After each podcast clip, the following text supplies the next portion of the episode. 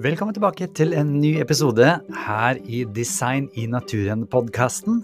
Jeg heter Chris Duve, og jeg vil bare minne deg på at du kan ta hele kurset her helt gratis med 38 forskjellige eh, informasjonsvideoer som da er lagd en podkast ut av, hvis du går inn på chrisduve.no og klikker deg inn på Design i naturen-kurset. Det finnes også et mindre kurs som heter Tre trosdyrkende fakta. Alt dette er altså gratis tilgjengelig. Men nå er det på tide med dagens episode. Vær så god.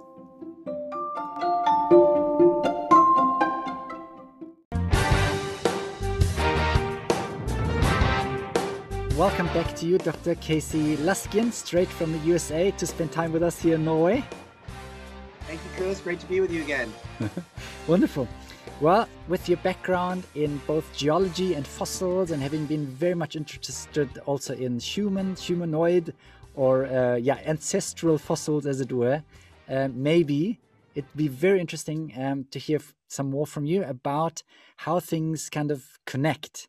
And previously, you know, if I look at one of the books that you've been into, actually, uh, making discovering intelligent design, you've got a classic image of, um, yeah, the monkey turning into, or the primate, as it were, turning into one of us.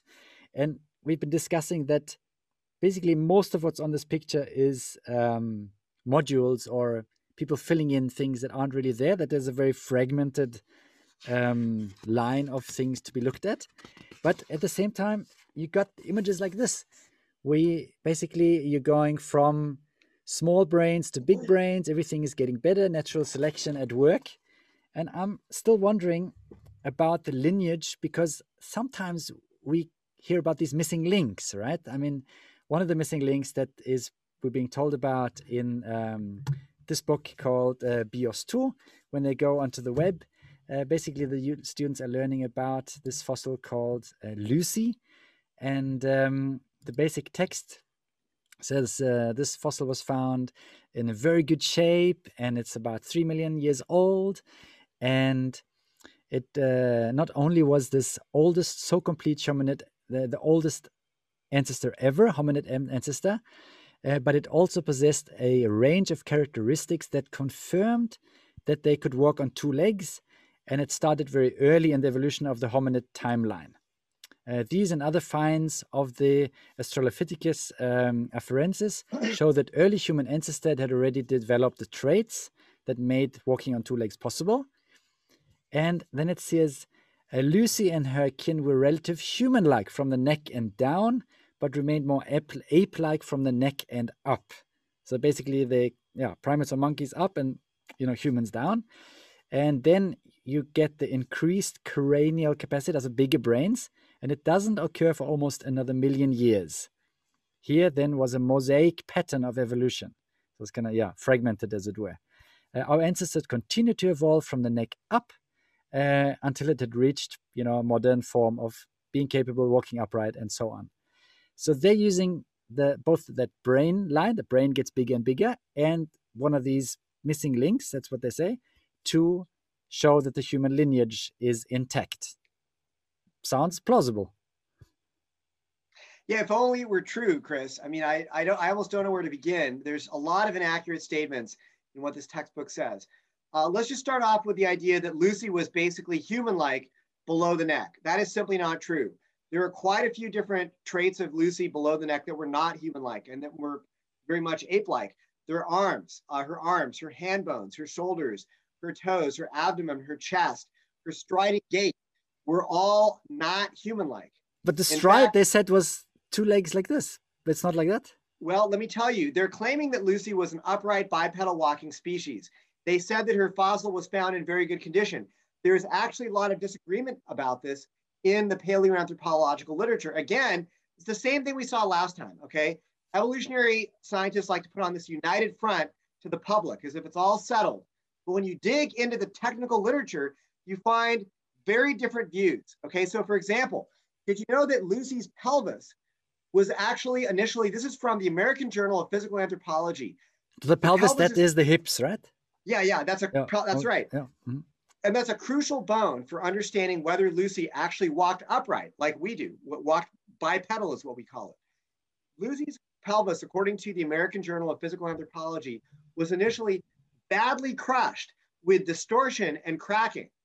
And the Journal of Human Evolution says that when they reconstruct it to make it look like Lucy walked upright, that there was, quote, air in the reconstruction, creating a very human-like sacral plane. And the article goes on to say that prevailing views of Lucy's posture, basically whether she walked upright, are almost impossible to reconcile. To resolve such differences, more anatomical fossil evidence is needed. The available data at present are open to widely different interpretations. So the idea that the evidence clearly shows that Lucy walked upright and, and had these you know, bones that were found in really good condition and showed her walking upright, that is simply not true. Something that this, uh, this textbook didn't tell you is that they found the hand bones of Lucy. And it turns out that Lucy has the hand bones of a knuckle walker.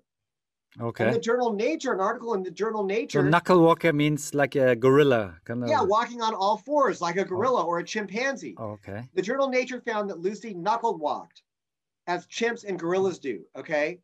The journal New Scientist found said everything about her skeleton, from fingertips to toes, suggests several traits that would be very suitable for climbing in trees. So this is sort of a very ape-like mode of locomotion, knuckle walking and tree climbing. Okay, this is very ape-like, not human-like. Um, so again, the data is not always what you're being told.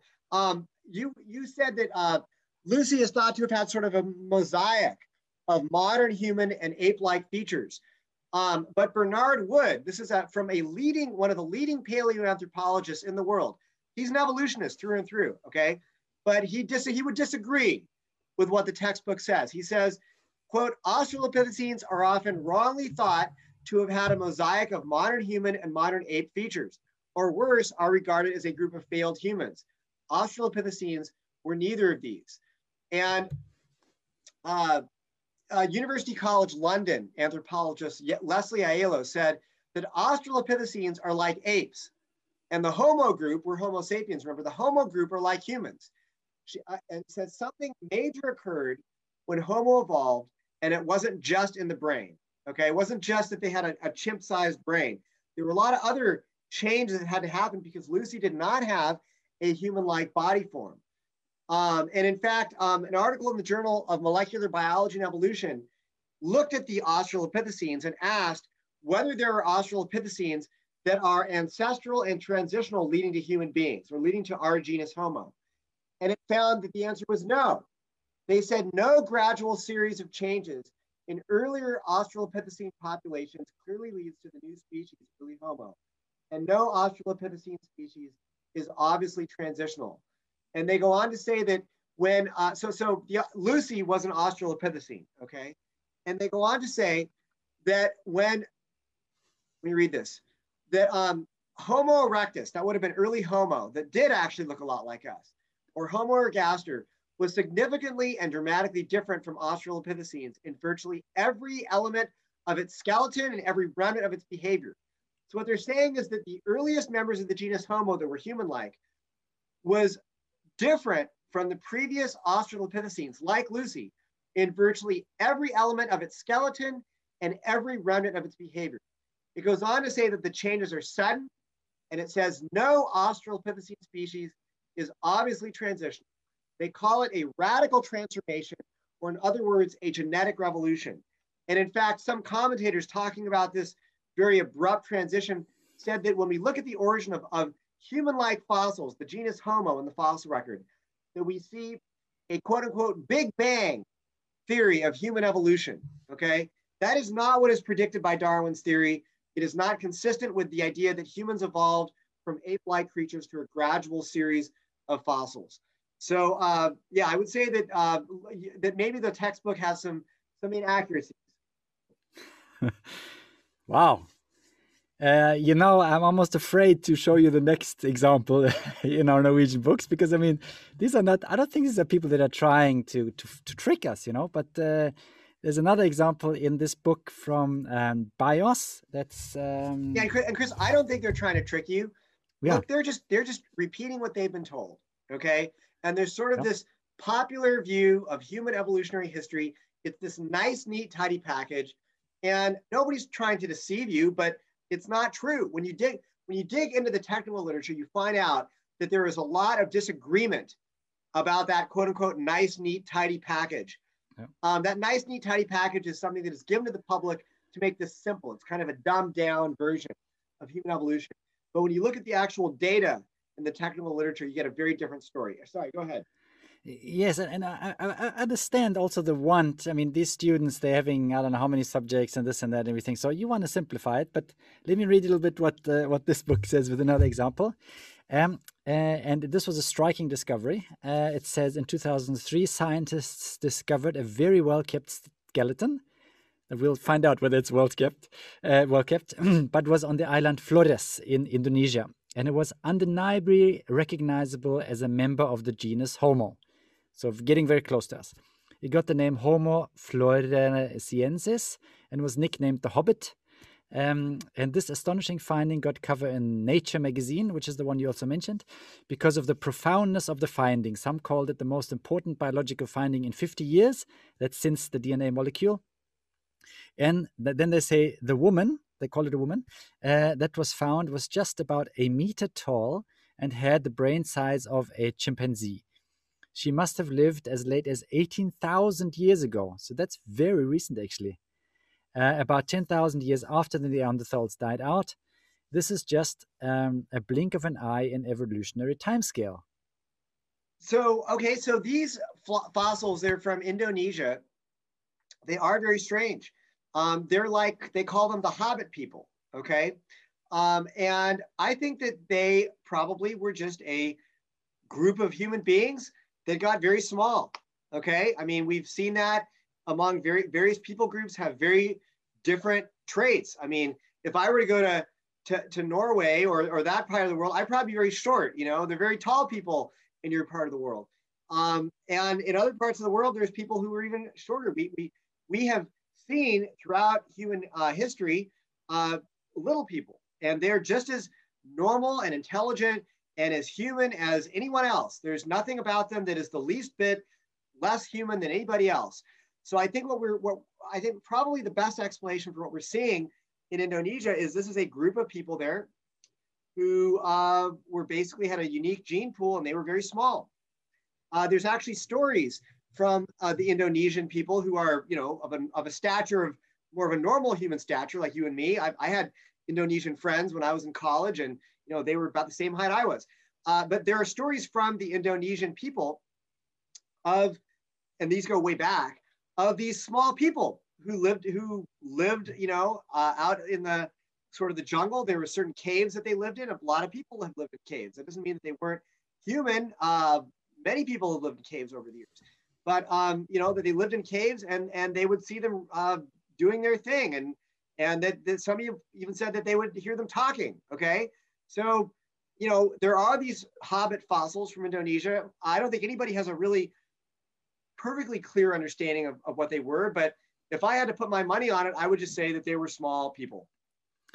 In addition, I think it's, uh, I mean, 18,000 years, you can't actually change anything in evolution uh, without destroying the offspring, as it were, uh, in 18,000 years. So, so I mean, it's not really leading up to anything. But yeah, it could be one of those dead ends that uh, from natural selection uh, just uh, yeah didn't work out, uh, and um, or I they're mean, just. I've, I mean, eighteen thousand years ago, they may have just been a, a, a, group of, of human beings that were very small. You know, I don't really have a huge problem with that.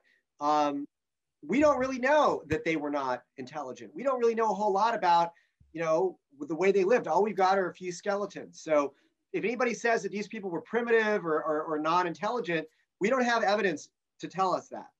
And and how does that compare? Because I mean, the brain size is one of these things that, that you have in your book, you know, where you uh, where you're showing this image of uh, brain size increasing, and that supposedly also, you know, gives evidence of uh, yeah, just things becoming better and humans becoming more like the ones that we are today.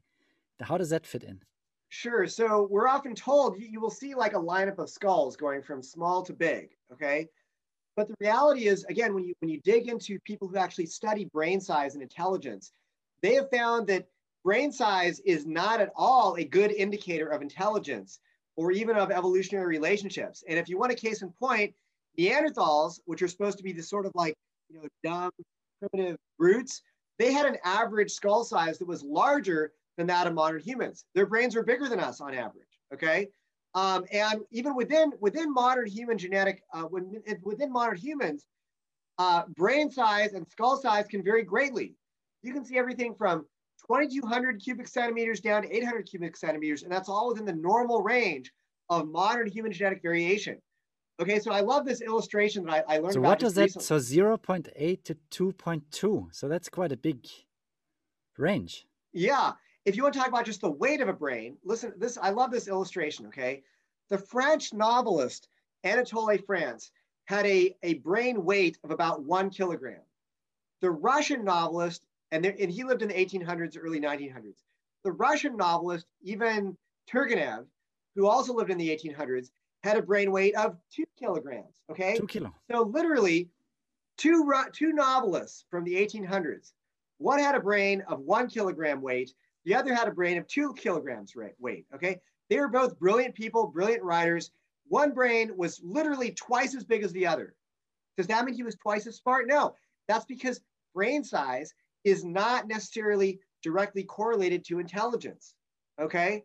So, and there's many studies that have shown this that brain size is not a good indicator of intelligence. So don't be too impressed when you see a lineup of small skulls going to large ones. It is internal brain organization that is much more important for determining intelligence than the sole singular dimension of the brain size. Okay. Um, that is not necessarily indicating how intelligent someone is.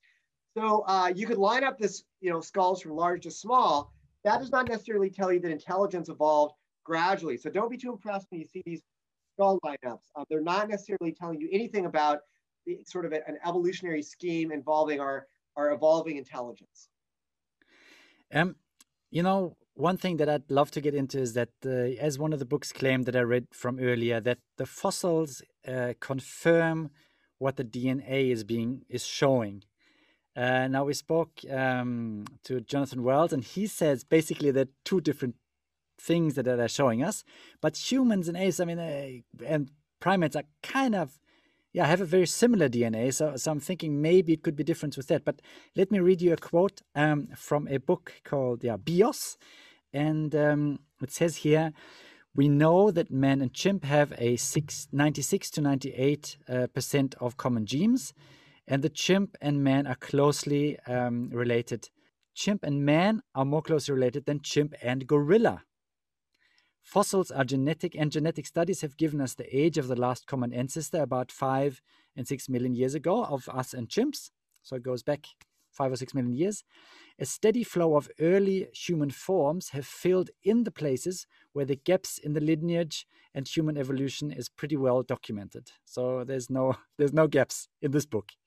Um, for the human species that have existed historically, uh, the almost human Australopithecus afarensis is a common ancestor.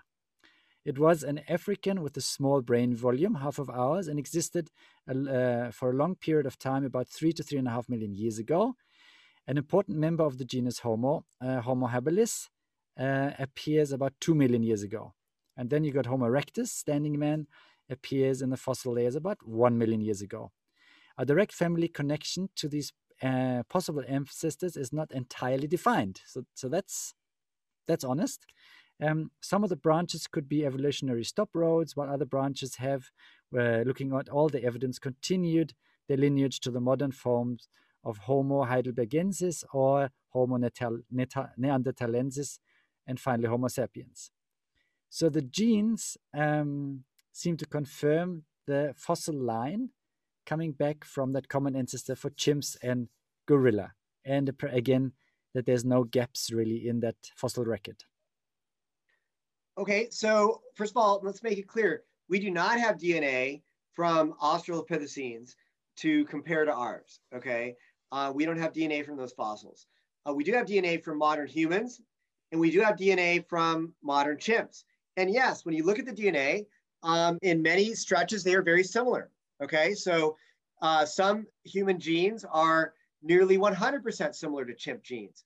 Others uh, are maybe more like 95% similar.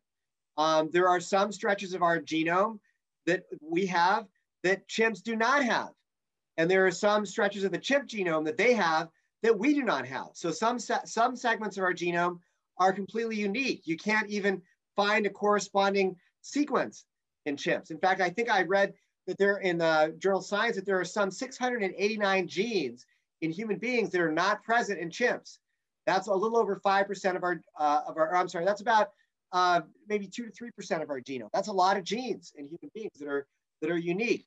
So, uh, so what does it mean? Okay. So even if our genomes are only, let's say 96% similar. I read in a paper that, that the best estimate of our geno- genetic similarity is about 96% similar to, to, we could say it's 97, 98, 99. I don't really care. Okay. We could say we're 99% similar. We are still talking about a genetic difference of tens of millions of nucleotide bases between human beings and chimps. Okay. That can encode a lot of genetic information. Okay. So, for example, if I were to have a, a sentence and I were to take every instance of the word or and change it to nor, okay, or every, uh, or I were to add in the word not, you know, in 10 different places in a, in a paragraph. The two paragraphs might look very similar, but when you add in, you know, certain changes, you can dramatically change the meaning. So the percent similarity between two stretches of DNA um, does not necessarily tell you that they're going to produce the same exact or organism. I mean, look at humans and chimps. Obviously, we're very different. Um, chimps are not writing scientific papers about us. It's us who are writing scientific papers about chimps. Chimps don't have language. They don't have fire. They don't have complex tools. They don't have abstract reasoning. They don't have a, a, a morality in the same way that human beings do. They don't have um, the ability to ponder the secrets of relativity or build cathedrals or do create art or worship uh, God or gods and do religion. Um, there are huge differences between human beings and chimpanzees. And if we are 99, 98, 96% similar, clearly there are some differences there. And those differences are non trivial. Okay. So, what about the fact that we are similar to them? Does that mean that we share a common ancestor? Well, I look at this from the perspective of a proponent of intelligent design. Okay. And I ask, um, how could I make sense of a high degree of similarity between one species and another species um, in terms of intelligent design if those species are not necessarily related? Well, first off, I should say that intelligent design is not necessarily incompatible with the, with the idea that humans and chimps are related. But there is an option there, and that is called common design. Okay, and that is that the similarities between humans and chimps are not necessarily the result of sharing DNA that we inherited from a common ancestor, but it could be the result of a designer reusing the same progr- programming, genetic programming modules in different designs. Okay. So I've done a lot of programming, Chris, and I can tell you that a lot of times when I would write a new computer program, I would use a previous program that had pro- programming coding modules that did certain things. I would reuse those in my new program because they already do the things that I want to do. I don't need to reinvent the wheel. I've already got a solution to that problem and I would reuse a coding module in my new program that I, that I had taken from a previous program, okay? So why does it have to be any different with living organisms? Maybe the similarities reflect, the fact that we have the similarities in our DNA reflect the fact that we have similarities in other aspects of our bodies. You know, we have four limbs, we have eyes, we have noses, we have hearts, um, though we have many similarities to chimpanzees and many other species. Maybe these genetic similarities are simply the result of common design to fulfill common functional requirements, okay, for an organism to live. And so those similarities might reflect a designer reusing parts that work in different designs rather than necessarily reflecting inheritance from a common ancestor. So I don't think that we, when we see these, um, uh, these common uh, DNA being shared, that that has to necessarily indicate that we have a common ancestry. It could indicate common design. Of course, I mean, when you're already looking down that kind of road, we're thinking that fossils line up uh, with chimps, then of course 96%, 98% sounds a lot. So uh, to me, I mean, uh, there's a certain well, logic to the argument, but at the Chris, same let me time, tell you something. There's almost no chimpanzee fossil record, just for the record. Okay, we have virtually zero fossils of of modern apes. Okay, of, of, of that are leading to the living ape species. We have almost no fossils whatsoever.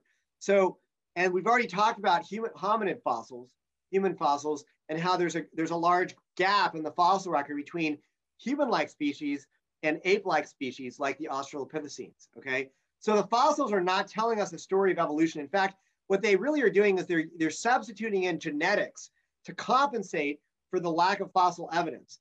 And my point about the uh, about the uh, genetics is, I don't care what percent similarity you have between humans and chimps. That could be the result of common design you know, it doesn't mean any, doesn't tell you anything about whether we share a common ancestor. The mere fact that we have a, a high percent similarity DNA with chimps. Wow, you know that makes me wonder a little bit uh, about uh, what it means. You know, because uh, I mean, if we're saying that the fossils don't really support a, a materialistic view because uh, because of these gaps, you know, uh, that um, microevolution can never bridge. And at the same time we're looking at the genes and we're saying that there's entirely new novelty things in humans that uh, that makes me think about what it means. But i think maybe we should do a third session about that. What do you think? Okay. Sounds good. Sounds good. Let's do that. Let's do it thank you very much okay thank you so much